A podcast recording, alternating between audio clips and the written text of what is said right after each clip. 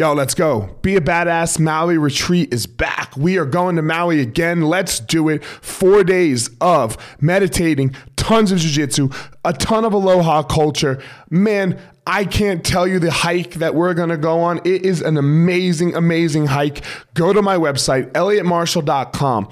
Click on Be a Badass, click on retreats, and you will see right there the Be a Badass Maui retreat.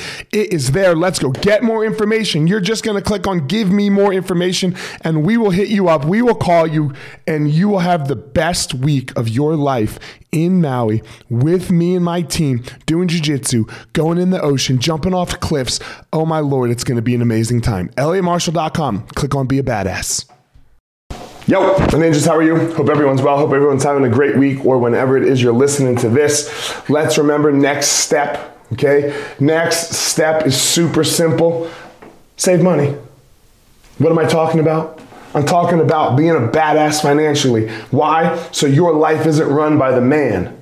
Okay? So your life isn't run by your boss, the government, the bank, the, the all these other things that can control your life if you don't get to spend your hour how it is you enjoy, what brings you joy, okay, what brings you happiness, what brings you fulfillment, what lets you feel purpose. When you don't have this part together, then you can't do this other part. You can't live this life you want to if you are not financially in a good place. That's why we're speaking about this. Save money. Save money. Get three to six months worth of bills. Okay? Saved. How do you do this? It's so simple. You already did it. You got out of debt. You got yourself out of debt. So now you just do the same thing, but you save it. You just save it. You, you don't now go, go, okay, I'm out of debt. Now let me go accumulate debt. okay? I'm, I'm to go accumulate debt because I got myself out of debt. I know I can do it again. Yeah, of course you can do it again, but that's not what we're doing here. Okay? It's not what we're doing here. We're trying to be a badass. We're trying to live a life of purpose. I'm no financial expert. These are the basics. Save money six months. How? Just like you just did. Just like you got yourself out of debt.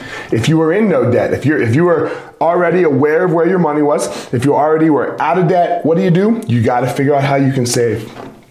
You got to start cutting the things out you don't need in your life that don't really the the superfluous the superfluous bullshit that gives you this dopamine spike, that gives you this rush, that gives you this, oh yeah, I'm the man feeling. Get that shit out of your life, son. Get it out. You don't need it. I promise you, you don't need it. Save money.